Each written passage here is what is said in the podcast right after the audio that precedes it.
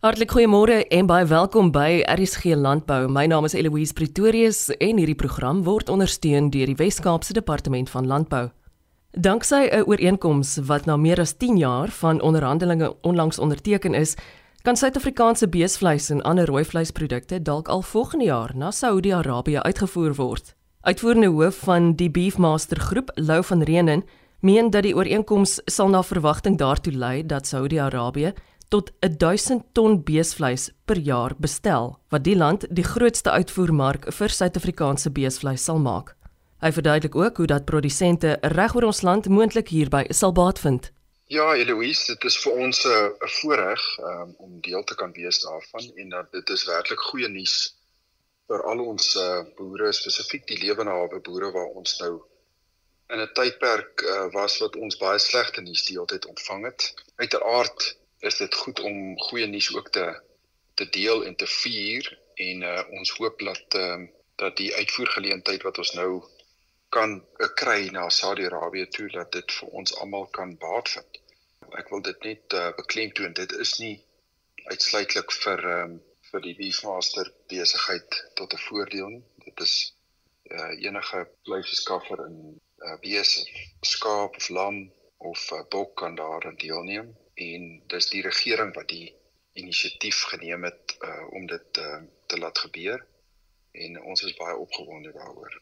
Ja, kyk, ons voer reeds uit na ander lande toe in die Midde-Ooste en ons noem daai lande in die wêreldkaart noem ons met die afkorting MENA wat staan vir Middle East North Africa. So die lande wat ons reeds na toe uitvoer uh, om Saudi-Arabië is Egipte, Jordanië, dan United Arab Emirates wat die Verenigde Arabiese Emirate is, Dubai en Abu Dhabi ingesluit en dan lande soos Bahrein naby Saudi-Arabië, Qatar, Oman al daai lande is huidige markte vir ons. Uh, die enigste mark wat ons nie kon na toe, toegang kry tot op hede nie is Saudi-Arabië en in daai lande is die helfte van die populasie van die mense wat in die MENA streek bly is in Saudi-Arabië. So dis 'n geweldige groot mark in vergelyking met die ander. Lou kom ons praat oor die bemiddelingsproses. Ek weet dat die president as ook die minister van landbou hierby betrokke was. Wie se inisiatief was dit? As jy my dalk kan neem vanaf die begin proses tot op hede waar ons nou hierdie goeie nuus gekry het. Ja, die proses begin al omtrent 10 jaar gelede. So ons het 'n plan saamgestel as deel van die bedryf om te probeer om sekere markte oop te maak en die regering het vir ons gevra om deel te vorm daarvan. En 4 jaar terug het die regering toe uitnodiging gestuur na die Saudi-Arabiese departement toe wat nou bekend staan in hulle terme as die Saudi Arabian Drug and Food Authority wat basies eintlik beteken dat hulle sou ons dan nou kon inspekteer. So dis nou wat nou gaan gebeur. Maar 4 jaar terug is dit toe gekanselleer en toe het ons nou in die proses aangehou om te aan te maan dat dit moet gebeur en uh, as gevolg van die Grendeltyd en ook ander redes, jy weet, soos byvoorbeeld die besoek aan Saudi-Arabië is twee keer uitgestel. Eerste keer deur hulle owerhede en tweede keer deur ons presidentsie want hier moes bly weens die vloede in KwaZulu-Natal.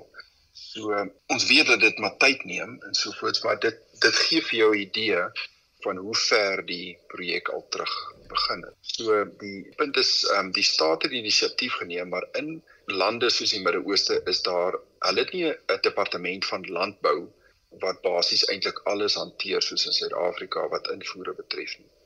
Hulle het 'n uh, in Saudi-Arabië het hulle 'n departement van belegging, investering en dit is min of meer dieselfde as wat ons die TIC is so minister Ibrahim Patel het die meeste van die onderhandelinge hanteer. In terme van regulasies en ek vra hierdie vraag uit hoofde van Back and Closeer, hoe gaan die uitvoere voorts werk? Ja, kyk, Suid-Afrika het, het deelgeneem as 'n land aan die OIE wat uh, in Frankryk gestasioneer is, is maar 'n internasionale liggaam vir wêreldsiektes uh, in diere. En die liggaam het het ons aan voldoen tot tot so onlangs as 2019 toe ons nou die uitbraak van back and claw gehad het wat 'n aanmeldbare siekte is en toe ons natuurlik mos nou ons skoon status van back and cloud ons verloor in Suid-Afrika. En as gevolg van dit het ons toe nou onderlinge onderhandelinge een op een met elke land het Suid-Afrika toe aangegaan en baie van daai lande het aangedui onder hulle gesondheidsprotokolle is hulle gemaklik as ons nog steeds kan uitvoer na hulle toe maar met sekere voorwaardes. So die voorwaardes vir elkeen van daai lande verskil bietjie en dit was maar dieselfde wat ons nou gedoen het met Saudi-Arabië. Ons het 'n 'n een op een ooreenkoms gaan sluit met hulle wat hulle nou nog vir ons sou stuur om na te kyk en dan natuurlik die audits kom doen wat dan nou sal kan veroorsaak dat ons 'n Fiat staatsfiat lokaal kan hulle kan uh, gemaklik wees in die staatsfiat lokaal dan namens hulle die die gesondheidssertifikaat kan onderteken waarna ons dan nou uitvoer. Daar moet 'n rede wees waarom hulle inskikkelik geknik het in ons rigting. Sou jy iets kon sê rondom die kwaliteit van ons rooi vleis? Kyk, ons ons skou nou al in in die Midde-Ooste vir die afgelope ons as 'n besigheid skou nou al vir die afgelope 7 jaar. En ons het nie een keer by 'n skou nie ondervind dat daar 'n Saudiese besigheid na ons toe kom en vra kan hulle nie ons produkte ook bekom nie. Want die die Midde-Ooste se bevolking wat maar meestal moslim uh, bevolking is is baie gemaklik met ons uh vleis spesifiek omdat dit die die regte halal protokol het en dan ook uh, as gevolg van die hoeveelheid vet inhoud. So dit is minder vet as wat die Australiese en die in die en die en die Amerikaanse vleis in het. En dis meer pink van kleur as 'n jonger dier en dit is meer in die rigting van veal geneig. So dit is die punt is hulle het baie gehou van die van die vleiskwaliteit, sagtheid en natuurlik vetinhoud wat uh, wat gesonder is. Is ek reg as ek aanneem dat daar heel party nuwe werksgeleenthede ook nou ter sprake is? Ek sou nie sê nuwe werksgeleenthede op hele nie. Ek dink wat wel gaan gebeur is, is omdat ons die mark nou oopgemaak het, mag dit dalk gebeur dat ons gaan nie nou werksgeleenthede uh, dadelik skep nie, maar ons kan dalk moontlik werke wat nou sou verlore gegaan het nog in stand hou. So daar's van die besighede wat natuurlik verskriklik swaar kry in die industrie en ons ook dit gaan onder geweldige finansiële druk. En dit is maar as gevolg van die back and claw uitbraak en die beperkings daarop op die beweging van spesifiek beeste. En dit het baie druk geplaas op kontantvloei ons kon nie beeste inkoop nie. Ons kon nie die genoeg deursit nie. So dit het 'n dit het dit het 'n kondisie veroorsaak soos wat ons gehad het in Covid. Jy weet ons kon glad nie beeste iewersheen skuif nie en ons was basies eintlik in die eerste fase van lockdown met COVID soos wat ons was in Maart van 2000 2020. So dis 'n moeilike tydperk vir ons gewees en ek dink ons gaan dalk moontlik as gevolg van hierdie en ander goeie nuus gaan ons nie hoef mense af te dank nie. In terme van voorsieningskettinge in landbou is daar baie te sê op hierdie stadium en uiteraard jy weet die situasie in Oos-Europa is by draand daartoe. Is daar 'n funksionele plan om ons rooi vleis na hierdie areas te kry en prakties gesproke hoe werk dit?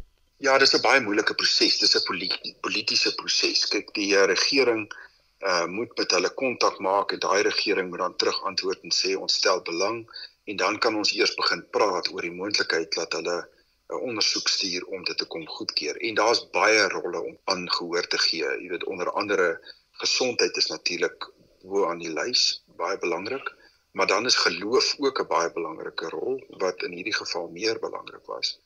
En dan um, dan is daar goed soos logistiek, logistiese tyd op die see, raklewe tydperk, allerlei sulke goeders het 'n faktor op die produk. Maar ehm um, Eloise die die oorgrootste rede hoekom baie van die lande spesifieke produk soek by 'n ander land is omdat hulle nie self kan produseer nie. En in Saudi-Arabië se geval is is, is hulle Suid-Afrika is ehm um, is is regtig uitgelewer aan droogtes en baie skaars aan water, maar hulle is nog erger. Af so die die probleem is uh, dat hulle kan nie self meer die kos produseer nie en hulle moet invoer uit hoofde van hierdie goeie nuus, dink jy dit versnel die momentum vir ander uitvoerprodukte of meer as die sulkes waarna ons in die medium termyn ook na uitsien? Ja, verseker. Ek dink definitief so. Ek dink daar is reeds baie uitvoer um, vrugte en groente wat wat jy weet wat boere produseer in in Suid-Afrika wat na daai lande toe gaan en onder andere Saudi ons het dit weer eens daar in die in die winkel winkelgroepe gesien. En um, en en, en moenie 'n fout maak nie Suid-Afrika se produksie en die kwaliteit van die produksie en die die kwaliteit van die produk wat ons lewer is uitstekend in wêreldterme. Ek praat nou van landbouprodukte. Jy weet so die die feit is die die produkte sal altyd gesog bly soos wat ons sien. Jy weet met baie van die produkte wat uitgevoer bly word en uh, ons moet dit net daar probeer volhou. En dit is 'n uitdaging. Ek bedoel dis 'n groot uitdaging met uh goed soos kragtekorte en watertekorte en en uh, logistiese probleme en so voort. Dis 'n baie groot uitdaging. So ons um, ons produk wat ons produseer op die plase, die boere produseer is fantasties. Geen twyfel nie die probleem kom uit aan aan die goed wat ons nie regtig kan beheer nie en nie in beheer van is nie. En uh en daarbey moet ons net aanhou probeer om daarbey verby te kom. En te midde van al hierdie uitdagings is dit net des te meer 'n veer in die hoed van Suid-Afrikaanse boere sou jy nie saamstem daarmee nie. Jy weet elektrisiteitstekort elektrisiteitstekort hulle maak net 'n plan, hulle hou net aan en hulle innoveer. Ja, absoluut, absoluut. Jy weet ek het geen twyfel daar. Jy weet ons moet net glo daarin dat dit uh, dat dit dat ons hoopvol bly en dat ons dit net beter kan kry. Dis dis al en ja, ek dink ehm um, ja, die boere doen goed, baie goed. Lou, kom ons praat weer oor die boere. Ek weet jy bevind jou op hierdie oomblik daar in die Noord-Kaap, ek is in die Wes-Kaap. Hierdie is nie net goeie nuus vir 'n sekere gedeelte of 'n segment van ons boere nie. Dit is iets waarin elke boer wat jy weet rooi vleis lewer reg oor Suid-Afrika ook in kan deel hê. Wat sou jou boodskap aan hulle wees? Kyk, ek dink ek dink Eloise, dit is dit is verseker so en die die boere moet net nie vaskyk daarin dat daar 'n persepsie is dat dis iemand anders wat in die waardeketting eintlik die voordeel daaruit kry trek nie. Die ehm um, jy weet uh, ons het die Chinese mark verloor in Maart maand en uh, daar was 'n weinige klein groepie wat uitgevoer het China toe ook weens protokolle en goedkeurings. En uh, vir die laaste jaar was Beefmaster die enigste een wat uitgevoer het uh, voordat ons dit verloor het. En selfs daai impak op op die beesvleis prys kan jy kan jy waarneem deurdat daar daar nie 'n noemenswaardige stygings was nie. Daar was wel 'n afname in van die die uh, produsente se pryse op die kalvers en so voort. En dit het ook te doen dalk moontlik met die toestand met back and claw en hoe dit hanteer is.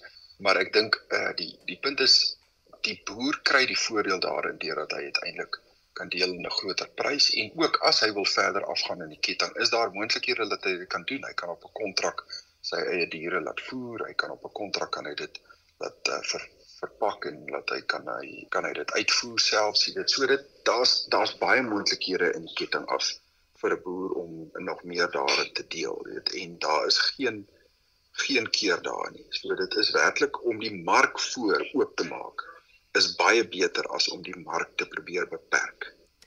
So die, die feit is ons doen die regte ding. Dit is absoluut so. Ons moet net meer markte, beter markte nog oop kry. Lou, wat op hierdie stadium van die wedstryd sou jou raad wees aan rooi vleisprodusente in ons land? ek dink hulle moet as hulle wil deel vorm hiervan dink ek moet hulle met rolspelers gaan praat jy weet ek dink hulle moet nader gaan aan byvoorbeeld 'n uh, slagpale wat wel kan uitvoer of wat wel 'n mark het of 'n sekere mark het en nader beweeg en hulle en werklik eintlik probeer produseer wat daai mark sal wil verkies en uh, en dit vat tyd dit vat jare baie keer dit aan te pas met met uh, genetika en natuurlik met sisteme en met voeding maar ek dink uh die die punt is dis waarna waarna ek streef om dit te doen.